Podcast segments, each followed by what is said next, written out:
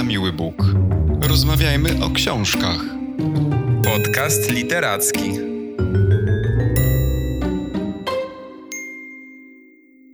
Cześć, dzień dobry. Witamy w kolejnym odcinku naszego podcastu. Dzisiaj porozmawiamy o książce, którą czytaliśmy wspólnie. Tak, będzie to książka o takim tytule Telefon obwieszcza śmierć.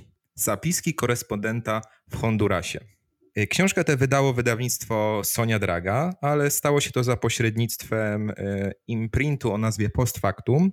I ten imprint jest swego rodzaju marką właśnie wydawnictwa y, Sonia Draga, pod którą wydawnictwo wydaje publikacje właśnie o takim charakterze reporterskim.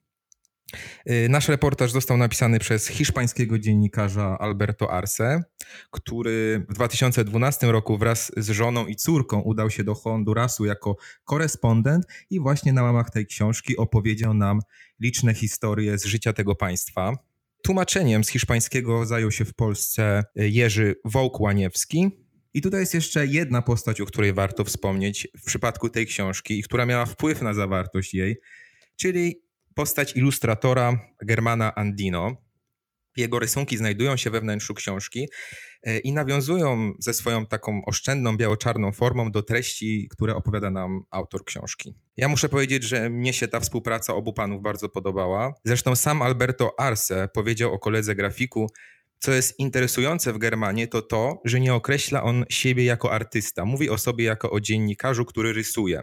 I rzeczywiście te rysunki zamieszczone w książce, ale też dostępne w sieci, y, mają w sobie zawsze taką namiastkę autentyczności, odnoszą się do konkretnych postaci i wydarzeń z życia Hondurasu, bo nasz grafik jest y, Honduraninem. I jest to według mnie bardzo interesująca i, i ciekawa forma dziennikarstwa. Oczywiście prace Germana Andino nie doczekają się ze względów politycznych na rozgłos w swoim rodzimym kraju, natomiast na przykład w Stanach Zjednoczonych są już coraz bardziej popularne. Na przykład na Uniwersytecie w Michigan przygotowano wielką wystawę jego rysunków. No i oczywiście możemy je też oglądać y, w naszej dzisiejszej książce. Okej, okay, ale jakby tyle na temat twórcy rysunków z książki y, Telefon obwieszcza śmierć. Przejdźmy do meritum tego dzieła. E, tak, tak jak powiedziałeś wcześniej, Alberto Arce mieszkał w, w Hondurasie od 2012 roku i co ciekawe, on tam mieszkał i pracował właśnie jako korespondent zagraniczny przez kilka lat i wówczas, e, w tamtym czasie, był jedynym korespondentem zagranicznym w tym kraju. Ta informacja jest e, zapisana na skrzydełku wewnętrznym książki i to w pewnym sensie już może nam dawać taki obraz no, dosyć pesymistyczny e, kraju, w którym e, Arce pracował i mieszkał, no bo ta książka jest właściwie taką opowieścią o ciemnej stronie Hondurasu, e, tak ciemnej zresztą jak większość ilustracji, o których też już wspomniałeś. Ta ciemna strona tego kraju zdaje się chyba w ogóle dominować nad wszystkimi innymi odcieniami. To jest książka, która opowiada o Hondurasie no, pogrążonym w korupcji, trawionym haraczami. Kraj, który charakteryzuje się kompletnym rozpadem struktur państwa, kraj, przez który przetaczają się wojny karteli narkotykowych, kraj, w którym, zresztą, który jest uważany za najniebezpieczniejszy chyba kraj aktualnie na świecie. Państwo, w którym giną nieustannie cywile, i może, żeby tylko zarysować tak statystycznie na czym ten problem polega w jakiej on jest skali, to e, w krajach Unii Europejskiej śmiertelność w wyniku morderstwa na 100 tysięcy mieszkańców to jest poniżej jednego. Na przykład w Hiszpanii ta, ta wartość wynosi poniżej e, jednego mieszkańca. Natomiast w Hondurasie to około 90 mieszkańców, a w jednym z miast które jest chyba najniebezpieczniejszym miastem na świecie, San Pedro Sula, ta liczba wynosi 166. E, jeżeli mówimy o Hondurasie czy o jego miastach jako te najbardziej niebezpieczne, to oczywiście w kontekście e, krajów, które aktualnie nie są pogrążone w wojnie. Tak jest. To jest e, warte dodania. I, no i warte, do, warte zastanowienia jest też, e, skąd ta sytuacja się bierze. Oczywiście na ten temat e, można mówić i więcej przeczytacie e, w naszej, w naszej dzisiejszej książce. Natomiast jakby wydaje się, że są dwa główne problemy, przynajmniej ja tak widzę tę sytuację Hondurasu. Po pierwsze, profesjonalnie zorganizowane kartele narkotykowe i organizacje przestępcze, które w zasadzie mają w garści albo współpracują z politykami, ale też mają w garści zwykłych obywateli. Opisywane są liczne sytuacje, kiedy to grupy przestępcze pobierają regularne haracze od zwykłych obywateli, od miejskich kierowców autobusów czy taksówek. Y, I drugim problemem jest, jest taki, że w Hondurasie mamy do czynienia z niezwykle skorumpowanymi politykami. O Hondurasie, tak jak wspomnieliśmy, nie mówi się za wiele e, w, w, mediach. To jest taki kraj, o którym kraje pierwszego świata za wiele nie wiedzą, ale i tak da się w ciągu ostatnich lat y, zauważyć takie abstrakcyjne w swojej treści doniesienia, że byli prezydenci Hondurasu, y, odsiadywali y, wyroki w więzieniu, że są zamieszani y, w handel narkotykami lub defraudację pieniędzy. Tak na przykład też jest z obecnym prezydentem Hondurasu, Juanem Orlando Hernandezem, którego brat, korzystając ze wsparcia właśnie swojego brata prezydenta, pomógł przemycić do USA prawie 220 ton kokainy. Więc jak widać, to skorumpowanie w tym kraju jest na poziomie abstrakcyjnym i niewyobrażalnym, myślę, e, dla Europy. Do tego, do tego dochodzi też fakt, iż policja w Hondurasie, która ma no, pełne ręce roboty, czego można się spodziewać, nie należy, e, nie jest należycie dotowana i ciągle brakuje pieniędzy na jej wyposażenie i na uzupełnienie kadry, a co za tym idzie, ta policja zaczyna działać na własną rękę, stając się tak naprawdę e, organizacją przestępczą. Ale książka mm, Alberto Arce, poza tym, że zwraca uwagę na te globalne y, problemy kraju, ona też y, patrzy na Honduras z perspektywy y, tak zwanej żaby lub mrówki, tak się mówi w, tym, w, tą, w tej nomenklaturze reporterskiej, czyli z takiej perspektywy, która przygląda się zwykłemu obywatelowi, czyli te, te, temu elementowi całej hierarchii, który jest najniżej. I dlatego w książce mamy wiele indywidualnych historii, w których bohaterowie są w zasadzie wymienieni z imienia i nazwiska. Y, ja powiem szczerze, z ciekawości sprawdzałem później y, te osoby w internecie, w mediach społecznościowych, ponieważ one po prostu występowały w tej książce y, w takich dosyć tragicznych sytuacjach. Były, były zaangażowane w działalność narkotykową, były, były ofiarami przemocy gangów, więc byłem ciekawy po prostu, czy one nadal żyją, bo w tych opowieściach autora one jeszcze żyły. Ciekaw byłem, co działo się z nimi dalej. Z racji tego, że są wymienieni w książce z imienia i nazwiska, to można gdzieś to w internecie sprawdzić. Jedną z takich indywidualnych historii, która zapadła mi w pamięć i która też pokazuje obraz y, policji z tego kraju, jest historia funkcjonariusza Santosa Arity, który proszę sobie wyobrazić, na jednym z głównych skrzyżowań stolicy tego kraju, y, czyli w mieście Tegucigalpa, w ciągu dnia został zamordowany przez jednego z dwójki złodziejów, tylko dlatego, że kazał jednemu z nich zejść z prowadzonego motocyklu. W Hondurasie bowiem można prowadzić motocykl tylko w pojedynkę, ponieważ jest to, takie, jest to taki pojazd, który umożliwia szybką ucieczkę, jest dobry do popełniania zbrodni, mówiąc y, w skrócie, więc jest ten nakaz y, prowadzenia go w pojedynkę. Po pierwsze, Nikt dookoła nie reaguje na tę śmieć policjanta. Samochody omijają tylko leżące ciało na ulicy. Wiem, ponieważ obejrzałem film na YouTubie, który jest zapisem tego wydarzenia, jest on dostępny. I autor puentuje to wydarzenie wnioskiem, że policja w Hondurasie jest wysoce nieszanowana. I w zasadzie morderców, policjantów nie traktuje się jako prawdziwych morderców. Po drugie, ta sytuacja y, też doprowadza do kolejnych tragicznych wydarzeń, które są tylko następnym dowodem y, na to, że Honduras to państwo totalnego bezprawia. I tutaj zaczyna się ten problem y, policji i ich, i ich skorumpowania, ich działalności przestępczej.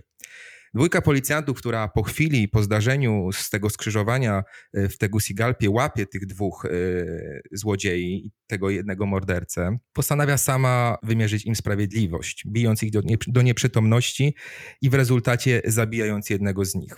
Jest to właśnie częste zachowanie policji w tym kraju, która działa według zasady czyszczenia społeczeństwa z patologii właśnie na własną rękę. Mówię to oczywiście w cudzysłowie ta sytuacja, czytając tą książkę, y, może być dla nas tragiczna, możemy w niej doszukiwać się ofiar i katów, ale chciałem zacytować jakby wypowiedzi bohaterów, którzy są e, związani z tym zdarzeniem. Mamy więc wypowiedź Edwina, tego młodocianego mordercy y, policjanta, chłopaka z motocyklu. Nie skończyłem piątej klasy. Rzuciłem szkołę rok temu w listopadzie. Pięć lat temu tato odszedł z inną, więcej o nim nie słyszeliśmy. Moja mama ma jedenaścioro dzieci, tylko jeden brat, co pracuje na budowie, czasami przynosi do domu trochę pieniędzy. Ja kończyłem szkołę o 12. Mama robi tortille, a ja je roznosiłem po domach. Mama może dostać do 300 lempir dziennie, a jak już zapłaci za opał i kukurydzę, zostaje jej jakieś 100 dziennie. czyli około 16 zł. Żeby wyżywić szóstkę dzieci, która mieszka razem z nią, ja jestem najmłodszy, rzuciłem szkołę, bo tortille trzeba dostarczać przed południem, bo są na obiad, a jak się uczyłem, to nie donosiłem ich na czas. Było mi bardzo ciężko, bo traciliśmy klientów. Tego drugiego chłopaka znałem od dwóch miesięcy. Był z mojej dzielnicy, stał często na rogu i to on do mnie zagadał, bo znał mnie z widzenia, jak roznosiłem tortille. Namawiał mnie, żebym poszedł z nim kraść. Byliśmy złodziejami, ale to był dopiero drugi raz, jak wyszedłem z nim coś ukraść. Policjant wyciągnął nam kluczyki z motocyklu. To wszystko stało się szybko. Nie wiedziałem, co robić. E, to był jego pistolet, nie mój. Żałuję teraz. Mówią mi, że wsadzą mnie na 8 lat. Jak mama przychodzi mnie odwiedzić, to aż płaczę. Ja nie jestem mordercą. Ja byłem złodziej. Co to krat od dwóch dni. Dopiero zaczynałem, wpadłem przez głupotę. I z drugiej strony mamy też y, wypowiedź partnerki policjanta, zamordowanego policjanta Santosa Arity o warunkach pracy policjantów. Po tym, jak go zabili, jak pojechałam do Tegucigalpy, byłam w tym baraku, gdzie go zakwaterowali. Takie straszne pudło, gdzie i zimno, i upał, i oni wszyscy śpią tam razem. Przy otwartych drzwiach, bez żadnej prywatności. Myją się nad beczką z wodą, nawet im nie dają jeść. Wszyscy mówią, że policjanci kradną i zabijają, ale policjant, co to kradnie i zabija, nie mieszka w drewnianej chatce, ani nie wraca do domu autostopem. Większość policjantów to niegroźne głodomory. Gdy jeden zrobi coś złego, płacą wszyscy. Jeśli ktoś nie wie, jak wygląda życie policjanta, nie ma prawa go krytykować. Te dwie perspektywy zwracają moją uwagę, y, jak w niedowartościowanym materialnie i zlęknionym przez przestępczość społeczeństwie y, rodzi się to niezrozumienie i uprzedzenie jednych obywateli do drugich. Y, I po prostu jak łatwo w takich warunkach dochodzi do gniewu, do nieprzemyślanych reakcji, do agresji, którą trudno jest po prostu później cofnąć. Ta książka to według mnie historia społeczeństwa, które straciło te takie podstawowe więzy społeczne i które nie wierzy w szansę polepszenia sytuacji. To taki po prostu obraz beznadziei i braku wpływu na nią. Nie wiem, czy masz podobnie. No wiesz co, faktycznie tak trochę jest, bo dla mnie zrobiło bardzo duże wrażenie to, że oni tam wszyscy są umoczeni na różnych poziomach, bo mnie na przykład mm, nie szokuje w ogóle to, że na przykład policja jest skorumpowana, albo że władze czy politycy są skorumpowani. No jest wiele innych krajów na świecie, w których klasa polityczna jest skorumpowana, natomiast tam ta korupcja jest właściwie od y, robotnika po prezydenta, tak moglibyśmy w skrócie powiedzieć, że jakby właśnie wszyscy są w tej sieci. Jedni właśnie ze względu na chciwość, tak jak ci, którzy zajmują najwyższe stanowiska, po prostu chcą, kolokwialnie mówiąc, nachapać się e, ile tylko można. Natomiast ci, którzy są nisko e, w, na tej drabinie społecznej, no to właśnie robią to z biedy, tak jak powiedziałeś, no, muszą wyżywić swoje rodziny, a sytuacja jest na tyle beznadziejna, że często popełnianie przestępstwa jest właściwie jedyną możliwością, aby zarobić jakieś pieniądze. I to często zresztą e, niemałe, bo był tam taki rozdział o wioskach e, gdzieś na północy kraju, w których przylatują awionetki z Kolumbii wypełnione kokainą i zatrudnia się e, tych wieśniaków właśnie mieszkających e, w tych malutkich wioskach do budowania pasów startowych, na których te samoloty, awionetki mogą lądować, a następnie na rozładunku tego towaru i tam im płacą chyba za, za dzień 100 dolarów jeżeli mnie pamięć nie myli, to to jest chyba więcej niż oni są w stanie zarobić w ciągu całego miesiąca w takiej uczciwej pracy. Oczywiście no nie jest to jakby żadna wymówka, mm, ale to pokazuje, z jakimi rodzaju problemami musi się zmagać e, to społeczeństwo. Dla mnie w ogóle było bardzo ciekawe to, bo ja, ja też nie, nie, wiedziałem zbyt dużo o Hondurasie. Tak jak e, powiedziałeś wcześniej, to jest trochę taki kraj zapomniany. Myślę, że w ogóle wiele krajów z tej części świata jest trochę zapomnianych. Ameryka Łacińska kojarzy nam się w głównej mierze z jakimiś karnawałami, nie wiem, z ostrym jedzeniem może, e, z muzyką latynoską i, i to właściwie tyle, jakby nie wchodzimy w, w szczegóły, szczególnie tych malutkich właśnie krajów, które gdzieś tam się mieszczą e, w tym przesmyku pomiędzy Ameryką Północną i Południową. E, a to właśnie ich położenie geograficzne jest tym, co zapadło mi najbardziej w pamięć i w czym właściwie ja, ale też chyba autor tego reportażu upatruje sedno tych wszystkich problemów, bo też wydaje mi się, że problemem nie jest e, to, że tam są kartele narkotykowe, tylko jakby żyzną glebą dla powstania tych wszystkich karteli jest właśnie położenie geograficzne tego kraju. Bo nam wszystkim się też wydaje, że, że nie wiem, kokaina i narkotyki to w głównej mierze problem Kolumbii na przykład i Meksyku. W Meksyku zresztą teraz te wojny narkotykowe są chyba jeszcze bardziej um, zaostrzone i to już w ogóle jest jakiś taki poziom totalnie absurdalny e, trudny do wyobrażenia w, w, porównaniu z Hondurasem. Natomiast Honduras właśnie ma ten pech, że znajduje się w, akurat w tym, a nie w innym miejscu globu i to jest takie najbardziej przerażające, bo to jest, wiesz, piękny zapewne kraj, w którym mały zresztą, bo mieszka w nim niespełna 10 milionów osób.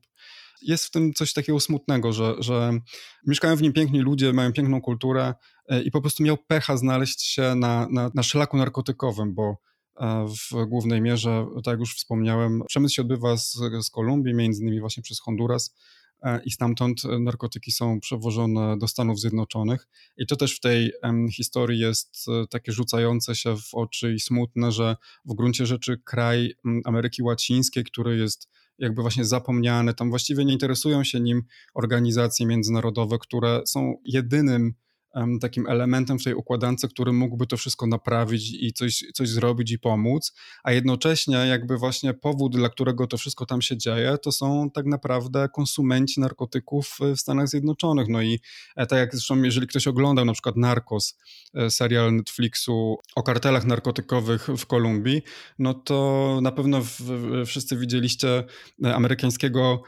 agenta, właśnie takiej agencji narkotykowej DEA, E, no i to jest właściwie jedyny wkład e, Stanów Zjednoczonych, e, które po prostu wysyłają swoich agentów, mają taką specjalną agencję narkotykową do zwalczania właśnie przemytu narkotykowego, ale to też właściwie mam takie poczucie, że ta agencja istnieje tylko po to, aby w gruncie rzeczy chronić amerykański rynek. Jakby oni próbują zwalczać te przemyty, ale tak naprawdę nie interesuje ich do końca to, co się w danych krajach latynoskich stanie.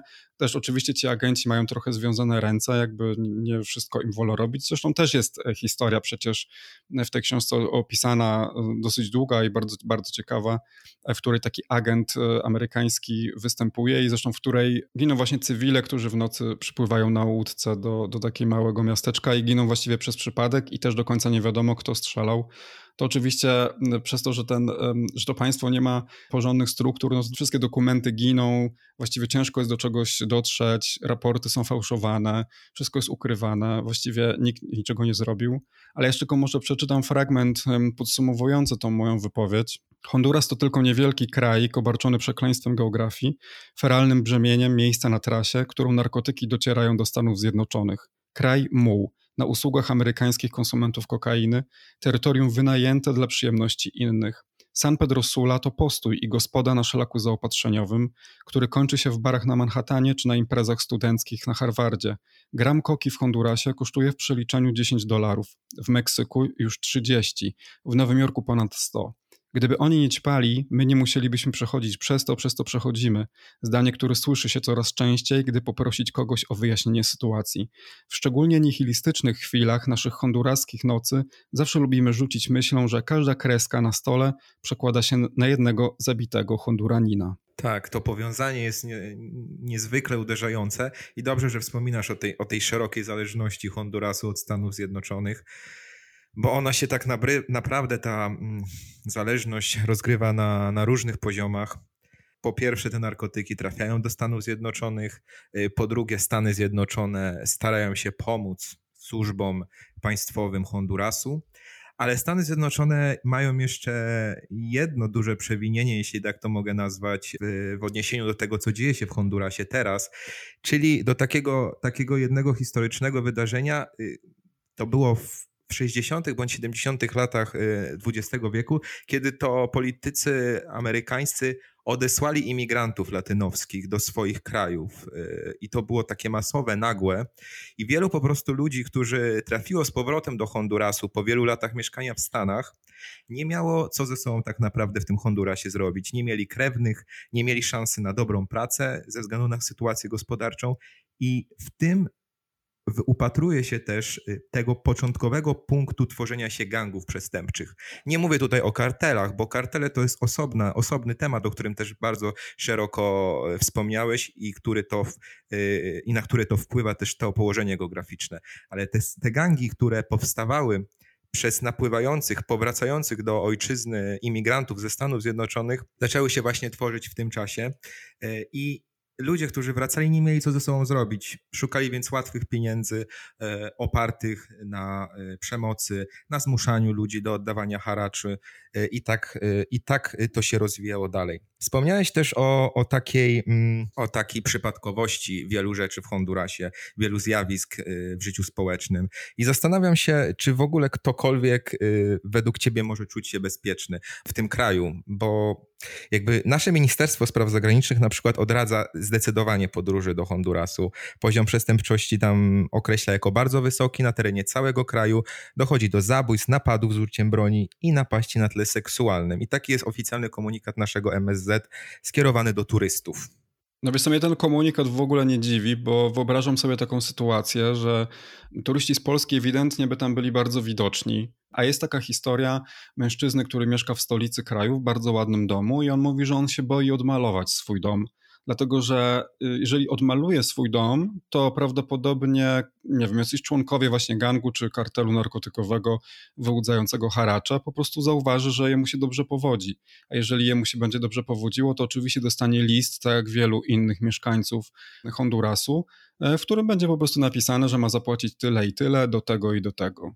Więc y, no, no, nie dziwię się, że jakby odradza się turystom y, przyjeżdżanie do tego kraju. No, mi też trudno jest sobie w ogóle wyobrazić tą skalę niebezpieczeństwa, jaka tam panuje. E, no bo przy czytaniu tej książki na pewno się tam nie wybiorę. Natomiast też y, jakby mam świadomość tego, że ta książka jest pisana tak jakby z jednej perspektywy. No z pewnością znajdziemy jakąś inną książkę, która opisuje na przykład Honduras z zupełnie innej strony, na przykład kulturowej i gdybyś przeczytał taką książkę, nie czytając tego reportażu Alberto Arce, no to pewnie miałbyś inne zdanie na temat y, tego kraju. No ale ja, ja, też jednak jestem tak no, strasznie pesymistycznie, negatywnie nastawiony do jakichkolwiek e, podróży tam. Też jak powiedziałem wcześniej, że, że jakby całe społeczeństwo zmaga się z, z, z tą przestępczością, dlatego że dla, dla wielu z nich jest to po prostu jedna możliwość zdobycia pieniędzy, to przypomniała mi się w ogóle teraz taka historia, jest opisywana historia taksówkarza, który jest skarbnikiem e, w czymś, co dzisiaj u nas nazwalibyśmy korporacją taksówkarską i on po prostu zbiera od każdego taksówkarza jakąś tam część, która składa się ostatecznie na haracz dla mafii. E, no i jest o tym cały rozdział, a pod koniec tego rozdziału właściwie okazuje się, że ten, ten taksówkarz nie zbierał e, haraczu dla mafii, tylko zbierał go dla siebie. No także e, przestępczość i brak zaufania na takim poziomie no jest po prostu uderzająca. Ja nie wyobrażam sobie poruszania się po tym mieście znaczy państwie właśnie jako cudzoziemiec i turysta. Tak, to niebezpieczeństwo, tak jak mówimy, ono nie jest zależne nawet właśnie od, od, tej majętności, bo, bo i ludzi o większej majętności może spotkać e, jakaś niesprawiedliwość i jakaś forma przemocy. I wydaje się, że to, co najgorsze jest w położeniu tak zdegradowanego kraju, to to, że po prostu nie masz komu zaufać. E, Takie mam wrażenie, czytając tę książkę, że nie ufasz ani politykom, ani wojsku, no i w rezultacie nie ufasz nawet sąsiadom. Nie masz jakby gwarancji, że istnieje w ogóle jakaś instytucja, która w tym kraju działa zgodnie z prawem, więc nie masz podstaw do tego, by jakby uciec od takiej dzikiej woli przetrwania.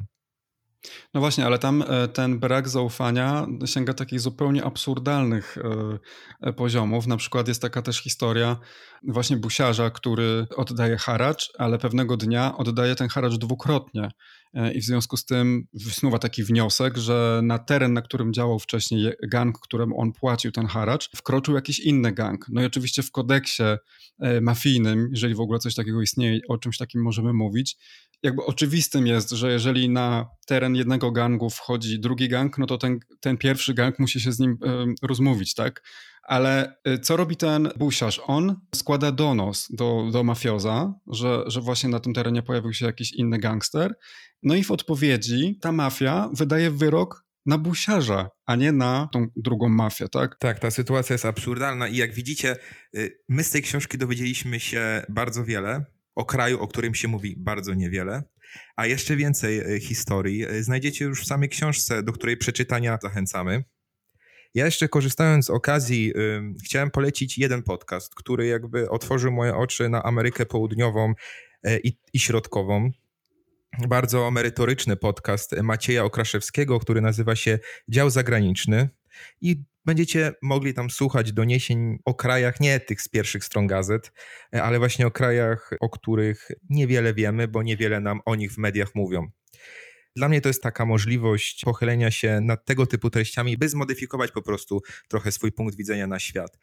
Tak, ja zdecydowanie polecam e, tę książkę i chciałbym na koniec podziękować wydawnictwu Sonia Draga za przesłanie książki do omówienia i wysyłka nastąpiła na naszą prośbę. Dziękujemy serdecznie wydawnictwu. My słyszymy się z Wami za tydzień. Do usłyszenia. A ja zanim powiem do usłyszenia, mam jeszcze jedną rzecz, którą chciałbym powiedzieć, bo w, mówiąc o Ameryce Łacińskiej i literaturze, oczywiście musimy wspomnieć o Gabrielu García Marquezie, który w 1982 roku odebrał literacką Nagrodę Nobla i swoją mowę noblowską zatytułował Szaleństwo Ameryki Łacińskiej. I chciałbym właśnie zacytować fragment tej mowy, dlatego że ona opowiada o szaleństwie i o samotności, czyli właściwie o tym, co dzisiaj e, wspomnieliśmy w kontekście Hondurasu kraju, który jest właśnie opuszczony i trochę marginalizowany przez świat. Ameryka Łacińska nie chce i nie potrzebuje być bezwolnym pionkiem, nie ma też złudzeń, że jej plany wybicia się na niepodległość i oryginalność staną się aspiracjami Zachodu. Tymczasem postęp w żegludze, który zmniejszył odległość między Amerykami i Europą, zwiększył dzielący je dystans kulturalny. Dlaczego odmawia się nam prawa do własnej drogi w próbach przemian społecznych, choć tę oryginalność bez zastrzeżeń przyjmuje się w naszej literaturze? Skąd ta myśl, że sprawiedliwość społeczna, którą w stopniu zaawansowanym Europejczycy próbują narzucić w swoich krajach, nie miałaby się stać także celem latynosów, choć byłaby wprowadzana innymi metodami w odmiennych okolicznościach? Cóż, Niezmierzona przemoc i ogrom bólu w naszej historii to skutek wiekowej niesprawiedliwości i bezbrzeżnej goryczy, nie zaś efekt spisku uknutego 3000 mil od naszego domu. Ale w spisek ten uwierzyło wielu przywódców i myślicieli europejskich. Zachowują się jak zdziecinniali staruszkowie, którzy zapomnieli o młodzieńczych szaleństwach i nie przyjmują do wiadomości, że można żyć inaczej, niż chciałyby tego dwa wielkie światowe mocarstwa. Oto jest, drodzy przyjaciele, rozmiar naszej samotności, a jednak na ucisk, grabież i opuszczenie odpowiadamy po prostu życiem. Ani potopy, ani zarazy, ani klęski głodu, ani kataklizmy, nawet nieustające wojny trwające całymi wiekami nie zdołały umniejszyć upartej przewagi życia nad śmiercią. No i z tymi słowami Was zostawiamy. Do usłyszenia. Na miły Bóg. Rozmawiajmy o książkach. Podcast literacki.